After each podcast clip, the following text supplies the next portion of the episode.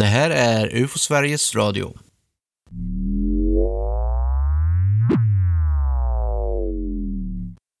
Sent på kvällen, någon timme före midnatt, den 18 januari 1946. Ett amerikanskt C-54 transportflygplan passerar över det lantliga Frankrike på 7000 fots höjd. Piloten ser en lysande meteor framför sig. Kanske är den 35 grader över den östra horisonten. Den faller snabbt och försvinner, men piloten ser förvånat hur meteoren vänder och börjar stiga. Den förflyttar sig snabbt i en liten båge för att åter försvinna. Oavsett vad fenomenet var för något var det uppenbarligen inte en meteor. Snart kommer europeer, och särskilt i de allra nordligaste regionerna, att rapportera mängder av den här typen av fenomen som kom att kallas spökraketer. Idag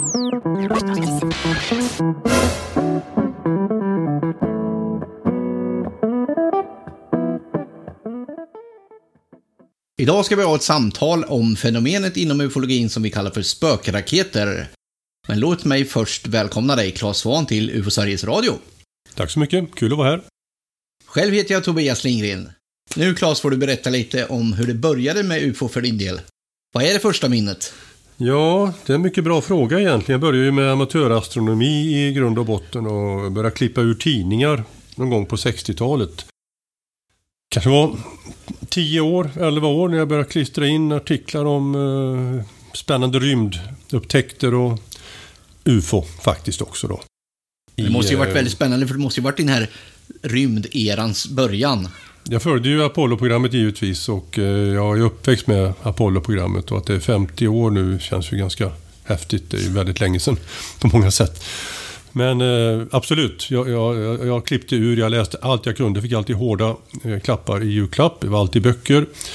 Eh, fick väl några kläder också, men de brukar jag nog öppna senare på kvällen. Om inte, kanske nästa dag till och med. Gösta Rehn eh, var bland de första böckerna jag fick. Eh, och eh, han betydde väldigt mycket för mig. När jag läste honom då insåg jag att man kunde liksom se på det här med UFO på ett ganska mm, sansat sätt. För han var ändå en sansad person, eh, ren. Även om han idag betecknas som kanske lite ET-inriktad så var han ändå den person som visade vägen för det som kunde bli UFO-Sverige vill jag nog säga. Spökraketerna, har du något minne av när de kom in i bilden? Jag tror att jag eh, satt och bläddrade i gamla Mariestadstidningen. Jag är född i Mariestad och eh, på Mariestadstidningen fanns det ett eh, klipp och läggarkiv. Alltså man kunde titta i hela tidningar. Och då satt jag bläddrade i dem och eh, då såg jag en bild på vad man då trodde var en spökraket då, från 1946. Och så läste jag om man hittat delar också på marken på ett ställe i Sverige. Och det är nog mitt första minne egentligen. Jag tyckte det var oerhört spännande och det passade väl in i det här övriga UFO-intresset då som jag började få då. Och jag startade UFO Mariestad 1974 som 16-åring. Och innan dess hade jag alltså på ganska länge då och läst och klippt och samlat. Så då var spökraketerna inte längre något okänt för dig? Nej, det var det inte. Utan eh, jag har nog känt till dem rätt länge egentligen. Men att jag skulle ge mig in på att försöka utforska dem på det sätt som det sedan blev, det hade jag ingen aning om givetvis. Men de var ju ett väldigt tidigt fenomen. De var ju både före flygande tefat och UFO. Ja, det, så var det ju. Man, eh, det var inte nödvändigt att man skulle koppla ihop dem egentligen. Man kunde faktiskt se dem som olika fenomen. För ingen såg ju någon gång varelser eller besättning i samband med spökraketerna. Det gjorde man ju däremot i de här spännande böckerna från USA när det kom Daniel Fry och George Adamski och Howard Menger och allt sånt där. Där var det ju besättning ombord på de här flygande föremålen. Så det var ju en skillnad, en väsenskillnad verkligen mellan de här fenomenen. För ändå idag räknar vi dem som ett fenomen. Men jag föreställer mig att de här fenomenen måste ha pågått en stund innan man kunde skönja det här mönstret som jag föreställer mig finns där. När man insåg att de här rapporterade händelserna liknar varandra på så pass att man trodde på ett samband. Ja, du menar att eh, man börjar förstå att det här var en del av UFO-biten, liksom, att det var en del av ett större, ett större fenomen? Nej, jag undrar mer om den här idén om att eh, det här fenomenet hade någon, e- det var ett eget fenomen. Som, skil, som, är, som är väldigt likt och som har ett eget, till skillnad från de här andra UFO-rapporterna. Då. Jag kan ju fortfarande tänka, se det som det, att det ändå är ett eget fenomen som vi ändå lägger in under beteckningen UFO. Det sticker ut så mycket på må så många olika sätt. Va? Och det här är ju inte nytt. Alltså. Jag, när jag med tiden började utforska spökraketerna ordentligt, då hittade jag ju rapporter ännu längre tillbaka i tiden. Och, eh, det fanns ju en från 1939 då, från Gallejaur, som ju är uppe i Norrbotten, precis på gränsen till Västerbotten. Hade man dratt linjen som den skulle ha gått mellan Norr och Västerbotten så hade det varit Västerbotten. Då hade man klyvt byn mitt i tu å andra sidan. Va? Eh, jag åkte dit, eh, när jag bodde uppe i Luleå så tog jag bilen eh, vid något tillfälle där på 80-talet. Det var i maj 85 som jag satte mig i bilen och körde dit. Och träffade då Birger Lövgren och hans bror Sven Lövgren. Birger Lövgren är en väldigt känd konstnär. Han är borta idag. Sven är också borta idag. Alla de här i byn är borta idag i princip. Men då var de i livet och de hade alltså sett då den 24 augusti 1939. Då var de ute och jobbade på ett fält. Och det ligger ju ett eh, vattendrag alldeles intill. Och sen är det skogs, skogsområde och sen är det ytterligare vattendrag. Då kom det ett ljud från himlen och de tittade upp. Och de ser då en raket komma flygande. Mitt på ljusa dagen alltså. Klarblå himmel. Avlång med små vingar där bak. Flyger över dem. Och så hör de liksom att den slår ner i vatten. Som när man står en planka i vatten berättar de för mig så här. Ett plaskande ljud alltså verkligen. Och det lustiga var alltså, sen på hösten såg man då systrarna Karlsson, man gjorde till och med en TV-dokumentär om systrarna Karlsson sen eh, någon gång i 90-talet. De hette Systrarna Galliaur. Och de systrarna, de var ute på samma sätt då som bröderna Lövgren var ute. Och ser då tre stycken sådana här raketer. Bara några månader efter den här första överflygningen ser de alltså tre liknande raketer som flyger över och försvinner bort över horisonten. Denna lilla by Galliar alltså. Och detta berättar de knappt för någon, utan det här dyker sedan upp i spalterna 1946. När spökraketerna blir ett fenomen som folk känner till och pratar om. Då berättar Birger Lögren, då skriver han en insändare till lokaltidningen och skickar med en teckning av hur den här spökraketen såg ut och tänker det är ju samma fenomen. Och det var det ju. Det var ju samma fenomen. Det här Galliar, går det ens att hitta på kartan? Det är lätt att missa idag. Va? Det bor en person där idag. Då när jag var där 85 i maj, då, då bodde det faktiskt fortfarande kanske 30-40 personer i byn. Idag, och det ska jag inte säga att det gör längre, men eh, för några år sedan så bodde det en person som var släkt till, till Birger och Sven kvar i byn faktiskt. Så han kände mycket väl till den här historien. Den lever vidare, även om byn då håller på att sakta försvinna. Det här namnet, har det med spökflygaren att göra? Jag undrar varför eh, de här rapporterna fått namnet spökraketer. Är det något officiellt?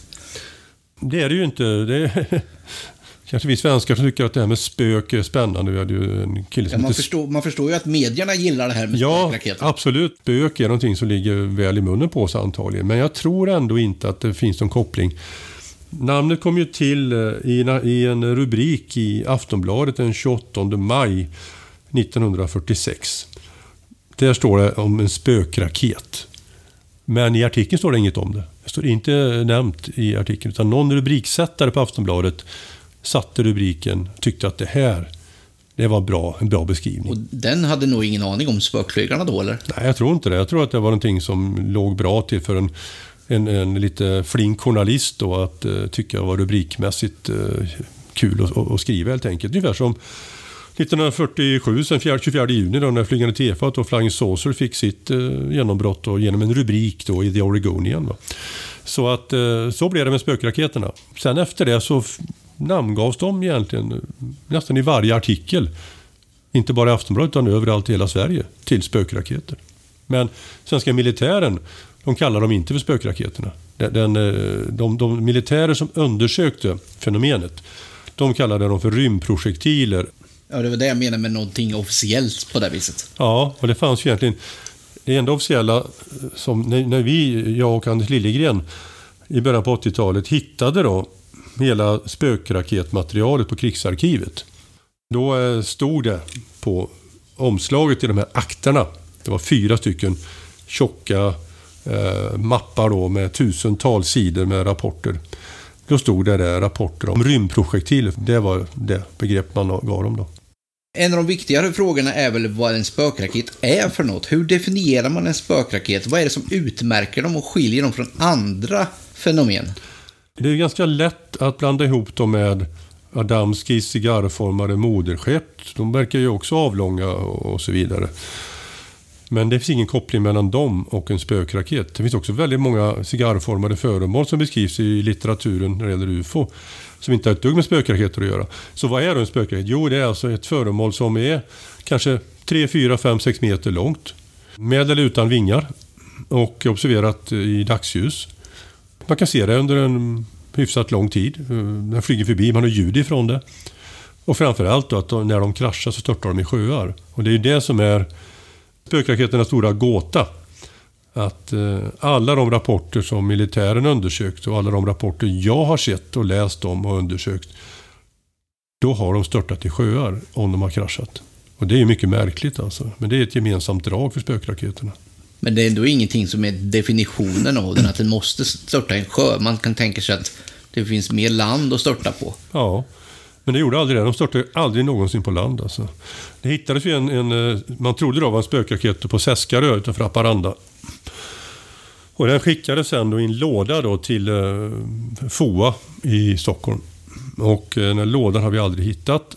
Däremot hittade jag då ett brev då ifrån eh, Eh, den, eh, den kapten då som packade den här lådan och skickade den innehållande metalldelar som det stod på följesedeln eh, till Stockholm. Och jag pratade också, jag åkte upp till Haparanda och träffade den man som hade hittat den. Och han berättade att han var ute och skulle plocka blåbär i skogen och hittade då en någon meter lång raketliknande historia som låg där i blåbärsriset. Tog med sig den, satte den på sin eh, pakethållare på cykeln och cyklade hem med den. I tron om att det var en spökraket? Han tyckte den var väldigt konstig bara. Han kände ju till spökraketerna givetvis. Så han kontaktade militären. Väl vågat skulle jag säga. Ja, det kunde ju sagt pang va. Men det där var ju ingen spökraket utan det identifierades ju egentligen sen som någon sorts fallskärmsbloss eller liknande som hade släppts ner. Kanske legat kvar där sen kriget till och med. På den här tiden, vi snackar väl 40-talet, var det bara militären som tog emot rapporter på den här tiden va? Även om alla möjliga märkliga fenomen. Det, var det fanns ju ingen UFO-förening. Nej, och det fanns inget allmänt intresse heller för att bilda några grupper och sånt kring det här. Va? För att det, det fanns ju inget enhetligt begrepp för de här fenomenen till att börja med. Det kom ju först några år senare.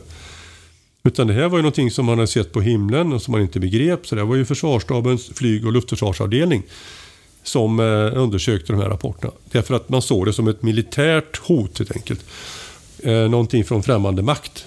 Det var också lite så att när man, man, man tillsatte en kommitté, en, en spökraketkommitté från militärens sida. Det ingick ett 20-tal personer där. Eh, några var ofta med på mötena, andra var bara vid enstaka tillfällen med på mötena. Och den leddes av överste Bengt Jakobsson. Och sekreteraren i kommittén det var Erik Malmberg. Och eh, honom träffade jag och Ann Liljegren eh, i maj 86. Tillsammans med Nils Söderberg som ju då under 40-talet eh, var avdelningschef för flygförvaltningen. De två var mycket inblandade i kan man säga, spökraketundersökningarna. Speciellt Malmberg då, som var sekreterare i den hemliga kommittén. Och de satt jag och Anders och intervjuade då i flera timmar på band. Och då säger Malmberg det att eh, vi, vi trodde ju att det här kunde vara någonting från främmande makt. Men när vi kom fram till att eh, inte riktigt, ingenting tydde på det, så la vi ner. Va? Vi gör väl så att vi lyssnar på en liten bit ur den nämnda intervjun med Malmberg och Söderberg. Men jag ber er ha lite tålamod med ljudkvaliteten. Får jag fråga, eh, där, eh, den här eh, rapporten som sammanställningen utav de här 900 någonting antalet mm. observationer som jag vill minnas var kvalificerat hemligstämplat. Har ni sett det? Vi har Eh, vi har haft tillgång till, eh, det finns alltså fyra volymer om detta på, på krigsarkivet. Och tre utav dem är då rapportmaterial och den fjärde är då analyser och sammanställningar. Men det är? Och där ingår också FOA-material. Nej, det står hemligt bara. Hemlig, ja, Den jag talar om, den eh, skrev Jakobsson på. Och den skrev jag ut. Och den blev beslutat att den ska vara kvalificerat hemlig. Det, det, det har jag så väl i minnet för det diskuteras en del och sen gjordes det en överenskommelse med ÖB. Det var alltså en slutrapport Det är en från slutrapport december. ifrån den här och då egentligen enligt mitt, fortfarande mitt minne, själva den här kommitténs arbete slutade. Mm. Men däremot svar på din fråga så fortsatte det här under många år. Jag var i Pentagon 1954 om det. Så att, eh, men inte i den här formen. Nej. Utan resultatet av Ja. detta blev att eh, det fanns ingen anledning att köra med den här stora apparaten. Visserligen fanns det ett antal observationer som man inte kunde förklara. Men det fanns ingenting eh, i de alternativa förklaringarna som man skulle kunna tänka sig och gissa sig till som pekade emot att detta var någon verksamhet som pågick ifrån någon annan makt. Detta menar han då, och sa han till oss också, betyder inte att vi, att vi identifierade föremålen. För det var många goda rapporter som vi inte förstod vad det var, sa han till mig. Men vi såg inte att i materialet fanns en hotbild mot Sverige. Därför la vi ner undersökningarna. När började det här att militären intresserade sig för det? Om det redan började 39 där och borde ha ökat på? Ja, Eller när blev det en sån här massrapportering av det? alltså det började egentligen i januari 46. eh, Då folk rapporterade till tidningarna framför allt. Ljusfenomen på himlen. Och så höll det på kan man säga under hela sena vintern då in, in i 46 mot våren. För att i maj då bli mera observationer i dagsljus också. De här första rapporterna som oftast då kanske var i form av tidningsnotiser. Det var säkert vanliga stjärnfall och, misstolkningsfenomen. Precis som idag har vi många misstolkningar. Absolut, när man tittar igenom hela spökraketmaterialet så hittar man ju jättemånga misstolkningar. Speciellt nattetid. När folk trodde att det de såg då var utblåset från en raket. Så var det sannolikt i 99 fall av 100 vanliga meteorer, alltså stjärnfall. Men dagsljusrapporterna är betydligt bättre. Det är betydligt högre kvalitet på, på dem än det är på dagens eh, UFO-rapporter. Det är, det är lätt att säga när man har gått igenom det här materialet och träffat så många som var med och såg detta som jag har gjort. Va? Eh, jag försökte, jag reste ju runt jättemycket då i början på 80-talet och pratade med folk som verkligen var med och eh, som hade sina minnesbilder då 40 år tillbaka i tiden visserligen men ändå, det var i alla fall i så pass närtid att de fortfarande mindes detta. Och då kan man ju säga att eh, det de rapporterade det var ju dagsljus, det var ju fullt klart solljus, blå himmel. Eh, föremålen blänkte i solen, de hörde ljud ifrån dem, ibland såg de rök efteråt. Och det är de här som utgör de här bästa, mest påtagliga rapporterna. Så är det ju. Och De är väldigt påtagliga i mina. Jag har ju hållit på med UFO ändå aktivt sedan 74 och eh, jag har inte hittat något fenomen som är så påtagligt som just spökraketerna. Där man kan se, höra och se vattenuppkast när de störtar. Och jag menar verkligen inga inre upplevelser. Det här är yttre fenomen, yttre Du föremål. menar att det inte är en sån mängd samstämmiga rapporter? Det finns naturligtvis enskilda rapporter som kan vara bra. Det gör det ju. Men eh, totalt sett så är de sämre idag, skulle jag vilja påstå, än vad spökraketvågen bjöd på. Det var väldigt handfast, väldigt, väldigt tydligt. Det finns alltså massor med superspännande om spökraket som kan bli innehåll för UFO Sveriges Radio framöver. Ja, det finns ju många undersökningar som eh, UFO Sveriges medlemmar har gjort. Jag vet att Anders Berglund gjorde till exempel en undersökning av en spökraket uppe i Jämtland, tror jag det var. Som jag hoppas att han återkommer och kommer att berätta om, som är eh, en väldigt påtaglig, eh, väldigt tydlig rapport. Dagsljus, också det verkar föremålet ha störtat. Va? Apropå dagsljus, det är väl här när Reutersvärds bild kommer in i sammanhanget. Hur kommer det sig att den är så intimt förknippad med just spökraketerna? Det är ju den enda bilden av en citat spökraket, slut citat, som, som finns från 1946. Jag sökte upp eh, Reutersvärd och, och hans, eh, hans fru, Erik Reutersvärd och hans fru. Och, eh, eh, de bodde i Uppsala. De är bort, borta båda två idag. De var ute då den 9 juli 46 eh, vid Guldsmedshyttan i Dalarna, eller i Bergslagen kanske man kan säga snarare. Och tittade på utsikten från ett eh, fågeltorn. Jättefint väder. Knäpper lite bilder på varandra. Knäpper en bild på utsikten. Och precis i det ögonblicket som de knäpper den här bilden på utsikten. så kommer det ett föremål och faller in i atmosfären och lyser. Och detta föremål sågs ut av tusentals, om inte tiotusentals människor runt om i, i, i landet. Den här bilden den publiceras ju sen, för militären fick den och tidningarna kom underfund med att den fanns. Och hela världen publiceras den här bilden. Alltså. De fick, de fick fem kronor, familjen, för bilden. Och det räckte till att tapetsera om i barnens rum. Eh, jag har pratat med barnen sen efteråt. De är ju stora och gamla de också idag. Men det är deras minne att de nya fina tapeterna, det betalade spökraketbilden. Men vad var det då? Vad är det man ser på bilden? jo, man ser ju ett lysande föremål ungefär som en meteor på natten. Men på dagen. Som verkar falla in i atmosfären. Och det är ju också en dagsljusmeteor man ser. Det är ingen spökraket. Men det lustiga var att väldigt många människor var ute och solade då. Det var ju juli månad. Och uppe i Njurundaområdet då så var folk ute på en ö som eh, heter Björkön. Och eh, där såg man också den här. Och så hittar man slagg på stranden. Och det slagget skickar man ju in då till militären som undersökte detta. För man trodde att den hade fallit ner, att det var en del av spökraketen. Och det lustiga var att i en av de här slaggbitarna hittade man ett raster. Alltså litet eh, plastliknande rutmönstrat föremål som man kunde plocka ut ur det här.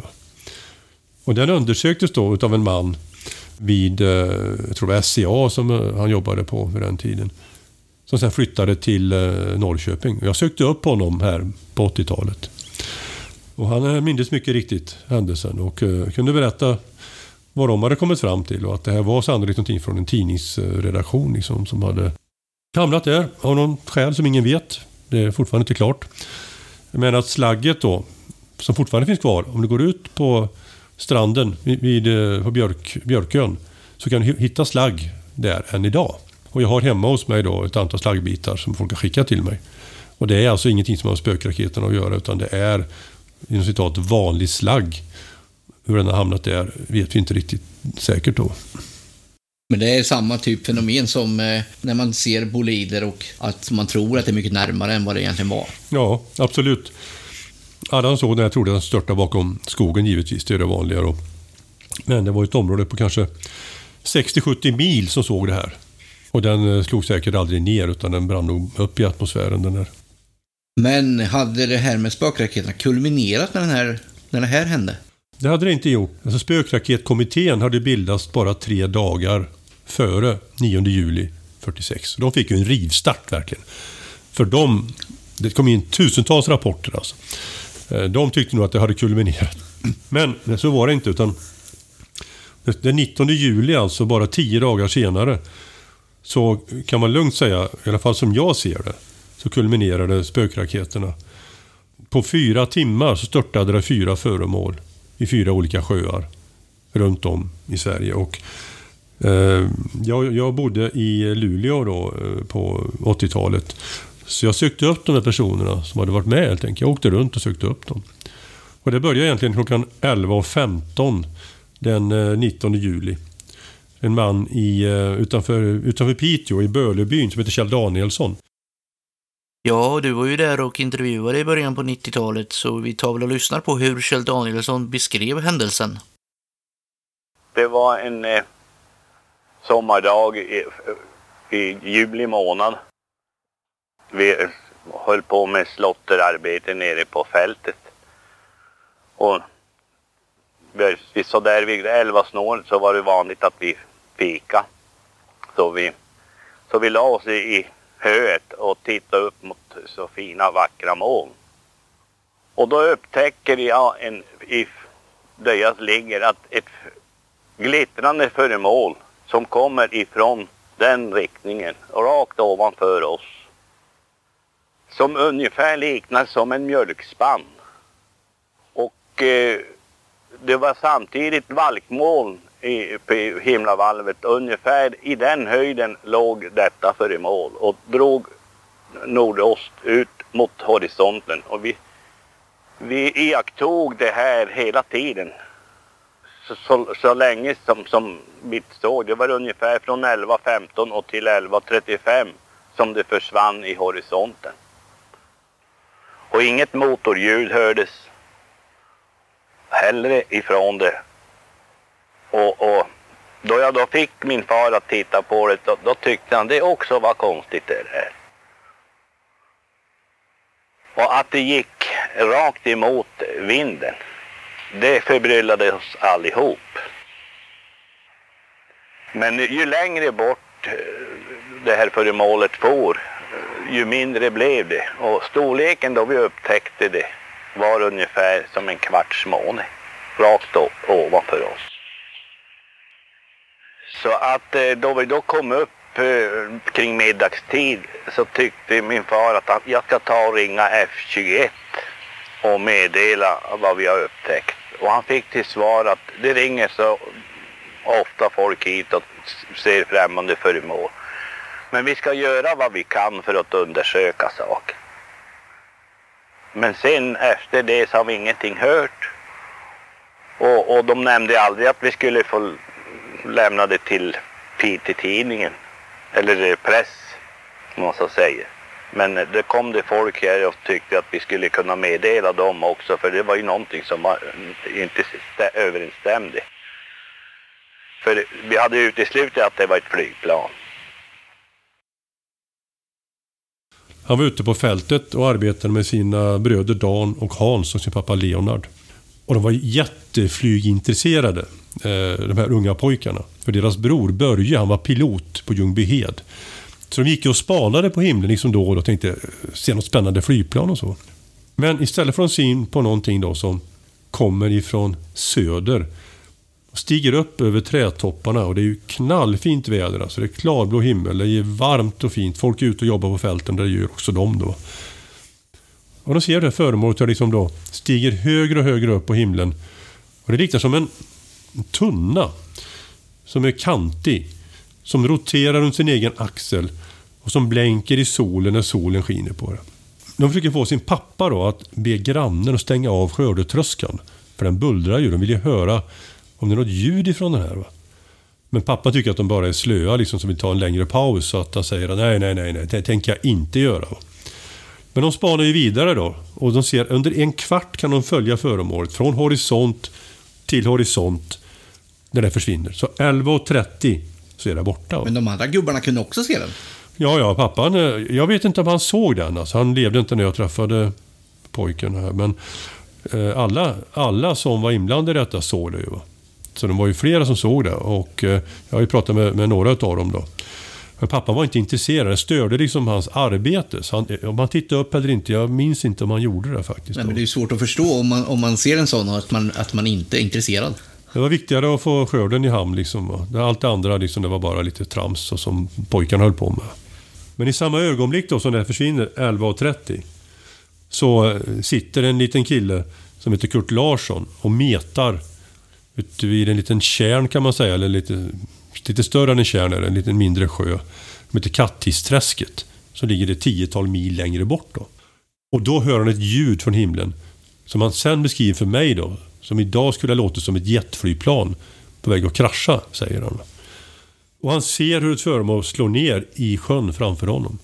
Och en 15 meter minst då stor vattenpelare slungas upp mot himlen. Och han blir ju jätterädd. Han slänger sitt metspö och skriker hin håle i sjön. Han tror att det är djävulen som har störtat i sjön. Springer upp till sin pappa, hämtar pappan och pappan följer med ner till sjön och de ser bara liksom hur det är krusningar på ytan och ja, allting är liksom borta. Va? Och sen en kvart senare då, ytterligare tiotal mil längre bort då, då är ju hela, hela byn Kulmjärvi ute och jobbar med, med höslotter. Det är ju liksom, det är det folk gör den här 19 juli 46. Och eh, då befinner sig då Knut Lindbäck och Beda Persson på en sida av sjön och Frideborg Tagebo på andra sidan. Och det är det folk som jag har pratat med och träffat och så vidare som jag har förstahandsuppgifter ifrån. Va? Men du har varit vid sjön? Jag har varit vid sjön många gånger. Hur stor är den då? Den är hyfsat stor faktiskt. Den är lite, lite längre. Den är flera kilometer lång. Va? Så det är ingen liten sjö riktigt. Då. Men den är väldigt grund. Den är bara en meter djup alltså. Och då hör de ett dån från himlen och tittar upp. Och ser då hur ett cigarrformat föremål med små vingar på rusar rakt ner mot sjön. Träffar vattenytan och en stor vattenkaskad och sen explosion. Och ytterligare en vattenkaskad. Va? Och Frideborg Tagbo berättade för mig att hennes mamma, hon tror ju först då att det är en, att det är en tromb eller en storm som kommer. Va? Så hon skriker liksom när dånet kommer först att stäng alla fönster. Och sen kommer explosionen. Och då vibrerar rutorna i hela huset. va. Hundar och katter springer och gömmer sig och det är liksom som, det är som krig. va. Men de tänker inte bomb. Ja, det tänker de nog alltså. De tänker nog bomb. Någonting har exploderat alltså. Någonting, någonting militärt. Det är nog det första de tänker egentligen. Men de fattar inte vad det är. De bor ju faktiskt mitt ute i obygden verkligen. Men Knut han tar sin roddbåt och ror ut till platsen. Och i och med att det är så grunt så stoppar han ner ena åran och känner då hur det blivit en grop i botten där. Han ser alltså att tjocka näckrosstammar har slitits av och ligger och flyter på ytan. Och stora stenar har slungats upp ihop med gyttja på stranden intill. Va? Så han ror tillbaka igen och så larmas eh, militären. Sen går det ytterligare då, no några timmar. Klockan blir 15.00. Då är det en familj som heter Axberg. Jag, Ulla Axberg jag har pratat med. Det var dottern då i familjen. De är i sin stuga utanför Gällivare där vid Vassarajärvi. Och hör ett dån från himlen, tittar upp, ser hur det kommer ett avlångt föremål. Störtar ner i sjön med ganska brant vinkel. Eller flack vinkel ska jag säga. Och liksom far under vattenytan och exploderar en bit längre bort med en stor vattenkaskad. Va? Och sen går det ytterligare då 40 minuter. Och då är vi nere i sjön Marmen vid Söderhamn. Och Ingrid Hansson då, som var 22 år vid det tillfället, hon var ute och sola sig. Och när hon hör också då ett dån ifrån eh, himlen, tittar upp och ser ett föremål som kommer och kraschar ner i vattnet. Som hoppar och rullar på vattenytan om vartannat. Tills det till slut då exploderar med 20 meter hög vattenkaskad en bit ut i vattnet. Va? Och vattnet blir helt svart. Och detta händer alltså då på fyra timmar. Militären kommer ju att undersöka de här platserna då. På olika noggrant kan man säga. Men Kölmjärv är ju den plats som man undersöker särskilt noggrant. Då. Så den 20 juli, alltså dagen efter, då får en man som heter Carl Gösta Bartol, han var löjtnant på den tiden. Och eh, han befinner sig i Boden. Och han får order om att eh, på motorcykel så snabbt han kan ta sig till Kölnbjerg. En lördag eftermiddag så fick jag, när jag kom hem, en skriftlig order ifrån översten på eh, Bodens ingenjörkår att omedelbart avresa till Kölnbjerg därför att där hade skett ett nedslag utav någon projektil. Och eh, när vi kom till Kölnbjerg på eftermiddagen så sammanträffade vi med torparen Knut Lindbäck som hade sett ett eh, föremål som liknade en cigarr som slog ner i sjön. Och han och eh, en flicka hade åkt ut och tittat och konstaterat att sjön var väldigt grumlig och att det måste ha hänt någonting där. Och han rapporterade tydligen till myndigheterna om detta. Och det var anledningen till att jag fick åka dit. Jag var ju också specialutbildad på sprängämnessidan. Så gjorde vi en noggrann undersökning och vi konstaterade att det måste ha slagit ner en projektil eh, mycket kraftig sprängverkan därför att eh, botten var uppfläkt på åtminstone en 15-20 meters radie och eh, man såg tydligt vassrötter och så vidare. Men i övrigt så kunde man inte finna, finna några spår. Så han åker dit och han är effektiv alltså. 14.30 är han framme. Och redan sex timmar senare har man sökt av då 400 kvadratmeter av sjön. Då. Men så snabbt går det alltså. Så de inleder det. Och inte bara det, utan samma dag så skickar då försvaret upp då, FOA skickar upp en ingenjör som heter Roland Rynninger och en laborator som heter Torsten Wilner till sjön med Geigermätare med sig. För de tror ju att det här föremålet har radioaktivitet ombord. Alltså att det är tv-styrt med atomdriven motor då, som man skriver i militären. De går igång för fulla muggar på det där alltså? De går igång stenhårt på det verkligen. Alltså. De får inga utslag, så de flyger tillbaka samma dag och åker de tillbaka igen. Men man sätter ut vakter, de spärrar av och man är där i flera veckor och man bygger en flotte och tar 33 000 bottenprov i sjön. Och man hittar gropen i botten. Man ser eh, näckrosorna som är avslitna, man hittar stenarna på stranden. Och som Bartol och säger till mig sen när jag träffade honom i början på 80-talet. Det råder ingen tvekan om att ett föremål verkligen har slagit ner. Var det någonsin någon tvekan om att någonting hade slagit ner? Det var aldrig någon tvekan om det. Ja, jag är helt övertygad om att det var en, en projektil med eh, explosiv verkan. Mer kan jag inte säga. Jag är helt eh, förbluffad över att man inte kunde hitta ens metallfragment trots att vi ytterst noga letade igenom bottenprover som vi tog upp. Vi hittade ingenting. Möjligen hade man idag kanske genom en kemisk undersökning kommit något längre men det gjordes aldrig. Själv var jag mycket besviken över att vi inte hittade någonting. Därför att det är ju inte roligt att komma tillbaka och säga att det fanns ingenting. När det verkligen hade funnits någonting. Skulle ha funnits. Spökraketerna måste ju haft en tur så tillvida att de hände 1946 då. Hade de hänt idag hade ju ingen sett dem. För alla sitter ju inomhus idag. Ja, det är ju så att på den tiden var ju folk ute och speciellt på sommaren var folk ute och jobbade på fälten. Och var, var befinner sig folk? Jo, runt sjöar. Det fanns ju goda möjligheter att se dem, givetvis.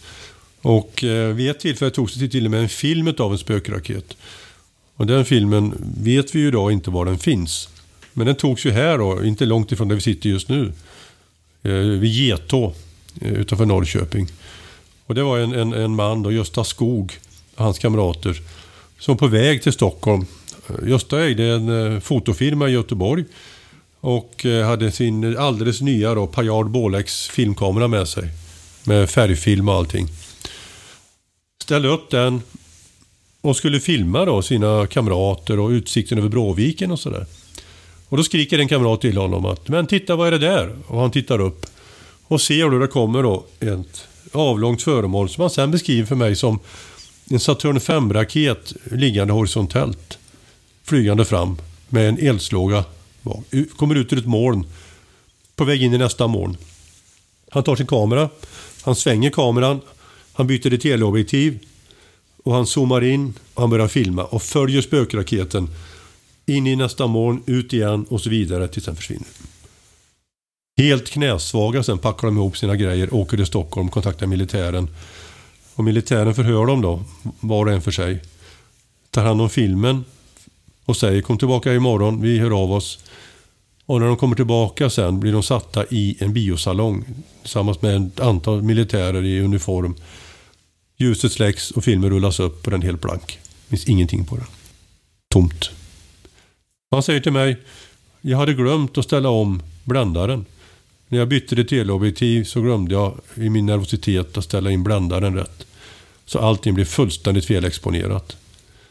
Den här filmen har vi ingen aning om var den finns idag. Vi vet heller inte var förhören finns med de här tre personerna.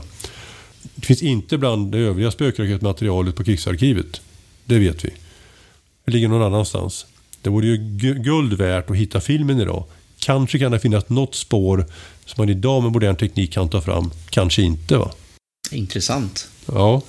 Men du måste berätta när du och Anders på allvar började gräva med det här ämnet, i det här ämnet.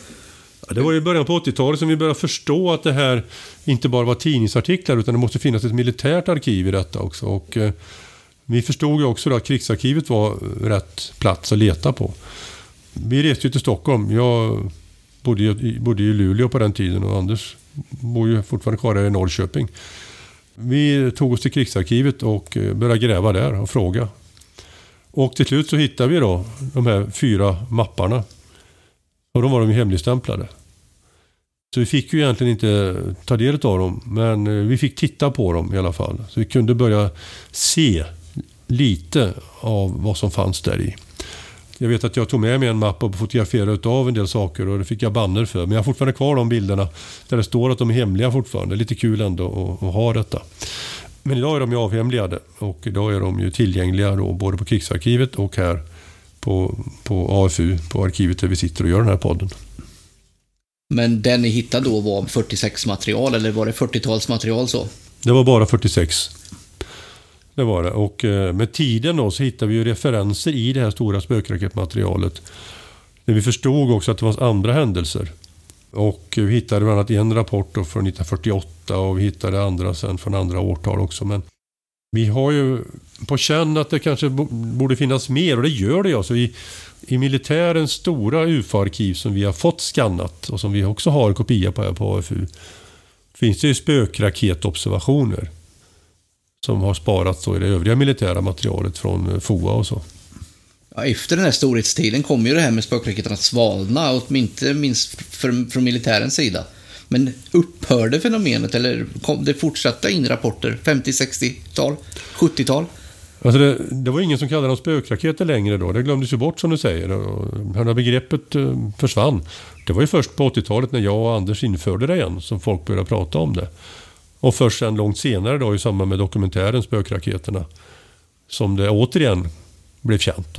Så det är ju vi som har gjort det känt. Det är ju för Sverige. Det är jag och Anders framförallt som har gjort det här begreppet känt igen. Idag vet ju folk vad det är. Man pratar med dem, så många känner ju till det idag.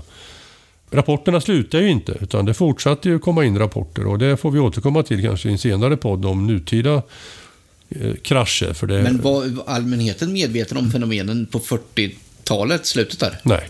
Inget, inget överhuvudtaget? Alltså, jag vi... tänker om det skrevs om det mycket media och så. Alltså, vad ska jag säga? 46 skrev det ju, det ju jättemycket om det. Massor. Tusentals artiklar. Va?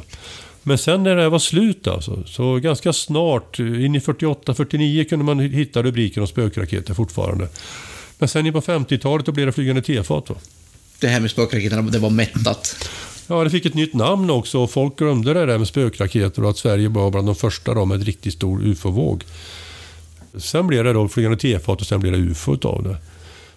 Så att eh, begreppet i sig... Eh, det drunknar lite i allt det här ja, andra och mystiken och så vidare. Ja, det gjorde det. Det drunknade i de andra begreppen. Och, men jag ser det ju som vi sa i början av den här podden att det är två egentligen ganska olika fenomenkomplex de här. Då. Spökraketer, flygande tefat, ufo. Man kan kalla det vad det vill, va? men spökraketerna sticker ut väldigt mycket på många olika sätt. Då, genom att de är så handfasta, så påtagliga och så tydliga. Jag har en tråd här från ett annat avsnitt. Vi diskuterade om ufologiska teorier.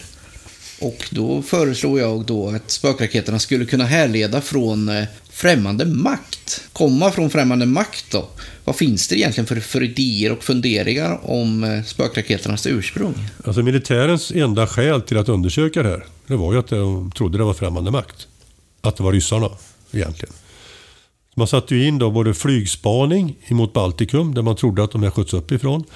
Eh, man satte in avlyssning och eh, man intervjuade folk som man grep faktiskt. Då, folk som man eh, trodde var spioner och, och frågade ut. Va? Eh, så det var ju idén. Men sen då, när Erik Malmberg då, när han sa det till oss att vi hittade ingenting som tydde på detta. Då la man ner alltså. Efter, I december så upphörde ju spökraketkommittén att arbeta. Och man eh, arkiverade helt enkelt allting. Så det var ju inte ryssarna, menade ju då svenska militären. Och jag menar också det, att det vi har sett i det här materialet, och det är ganska mycket, tyder inte på att det är ryssarna. För då höll man ju på att flytta då Hitler-Tysklands V-bomber in i Ryssland och till USA. Det var ju, de delade sig på ganska mycket, både forskarna och, och raketerna. Man hade inte kapacitet att skjuta på den tiden överhuvudtaget, utan man undersökte de här apparaterna. Och de här flög mycket, mycket längre än en V-bomb någonsin kunde flyga. Va? Både V1 och V2 flög ju eh, distanser som var kanske hälften eller en tredjedel så långt som de krävdes för att kunna skjuta dem ända upp till norra Sverige. Och träffa så perfekt i sjöar. 1944 störtade ju en sån här V-bomb i Bäckebo i Småland. Och den hittade man ju flera ton skrot ifrån. Va? Och Erik Malmberg, spökraketkommitténs sekreterare, han var med ihop med eh, Henry Kjellson och pusslade ihop den här eh, spökraketen, då kan man säga då, att det var en riktig raket då, 1944 och skickade den till, till eh, London och berättade därmed då hur Hitler-Tysklands vapen egentligen såg ut. Va? Det blir ju inte ett enda spillra av spökraketerna. Medan den här Bäckebobomben då fyllde hundratals kvadratmeter med skrot. Va? Så det är ju det som också tyder på att det inte är militärt. Alltså. Men fråga mig inte vad det tyder på. För det vet jag inte. Alltså, vad spökraketerna egentligen är, det är för mig en av de stora gåtorna. Jag kan inte se en riktigt tydlig förklaring på det idag. Alltså. Men man har ingen spårbild av vad man skulle kunna börja nysta i någon teoribildning eller så vidare?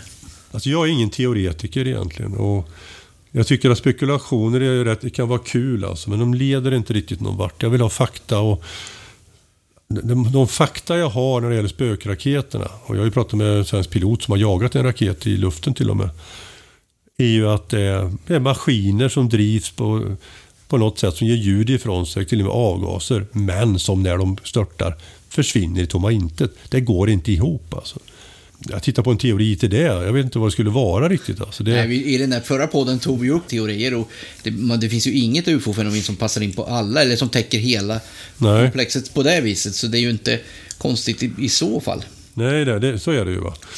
Men alltså, min teori är lika bra som någon annan i så fall. Jag, jag, jag ser inte att jag har en bra teori.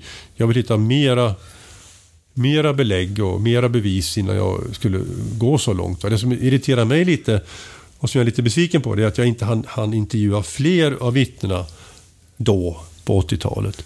Jag var ändå runt ganska mycket, men jag ser ju att jag missade ganska många som jag idag önskar att jag hade satt mig i bilen och kört 70 mil och gjort det.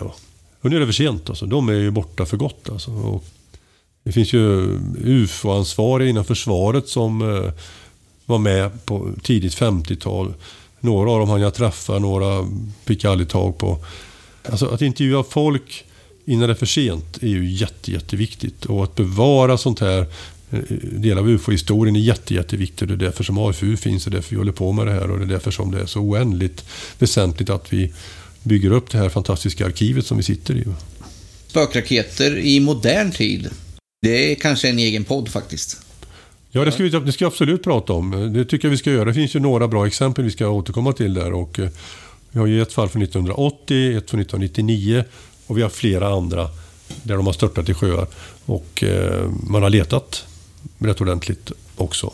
För mig hänger detta ihop och detta, detta är en fortsättning från Galliaur 1939 fram till ja, 80 år senare då, när vi sitter här idag. Och som jag alltid brukar fråga när vi närmar oss slutet, har vi missat något i sammanhanget eller något vi ska lägga till här nu? Alltså det man, jag skulle önska då att folk som lyssnar på det här gör det att de tittar i sina lokaltidningar efter artiklar om spökraketerna från 1946. För vi har inte alla sådana. Vi har inte kunnat gå igenom alla lokaltidningar. Det skulle vara en oändlig hjälp att få kopior av, av sådana artiklar. Det finns ju på Kungliga biblioteket att gå igenom och en del lokala tidningar har sparat sina lägg som det heter med, med artiklar och tidningar. Det kan finnas pusselbitar där som vi inte har sett. Då. Det finns alltså all anledning att återkomma till detta mycket spännande ämne. Så är det. Spännande det här. Då får jag tacka dig Claes Svahn för medverkan i UFO Sveriges Radio med förhoppningen om att vi snart kommer att höras igen. Tack så mycket. UFO Sveriges Radio görs av Riksorganisationen UFO Sverige. UFO Sverige finns på sociala medier. Mer om UFO Sverige hittar ni på ufo.se. Vi svarar gärna på frågor och tar emot feedback på adressen info.ufo.se. Vi avslutar med att tacka våra lyssnare för att ni gillar det vi gör och säger adjö.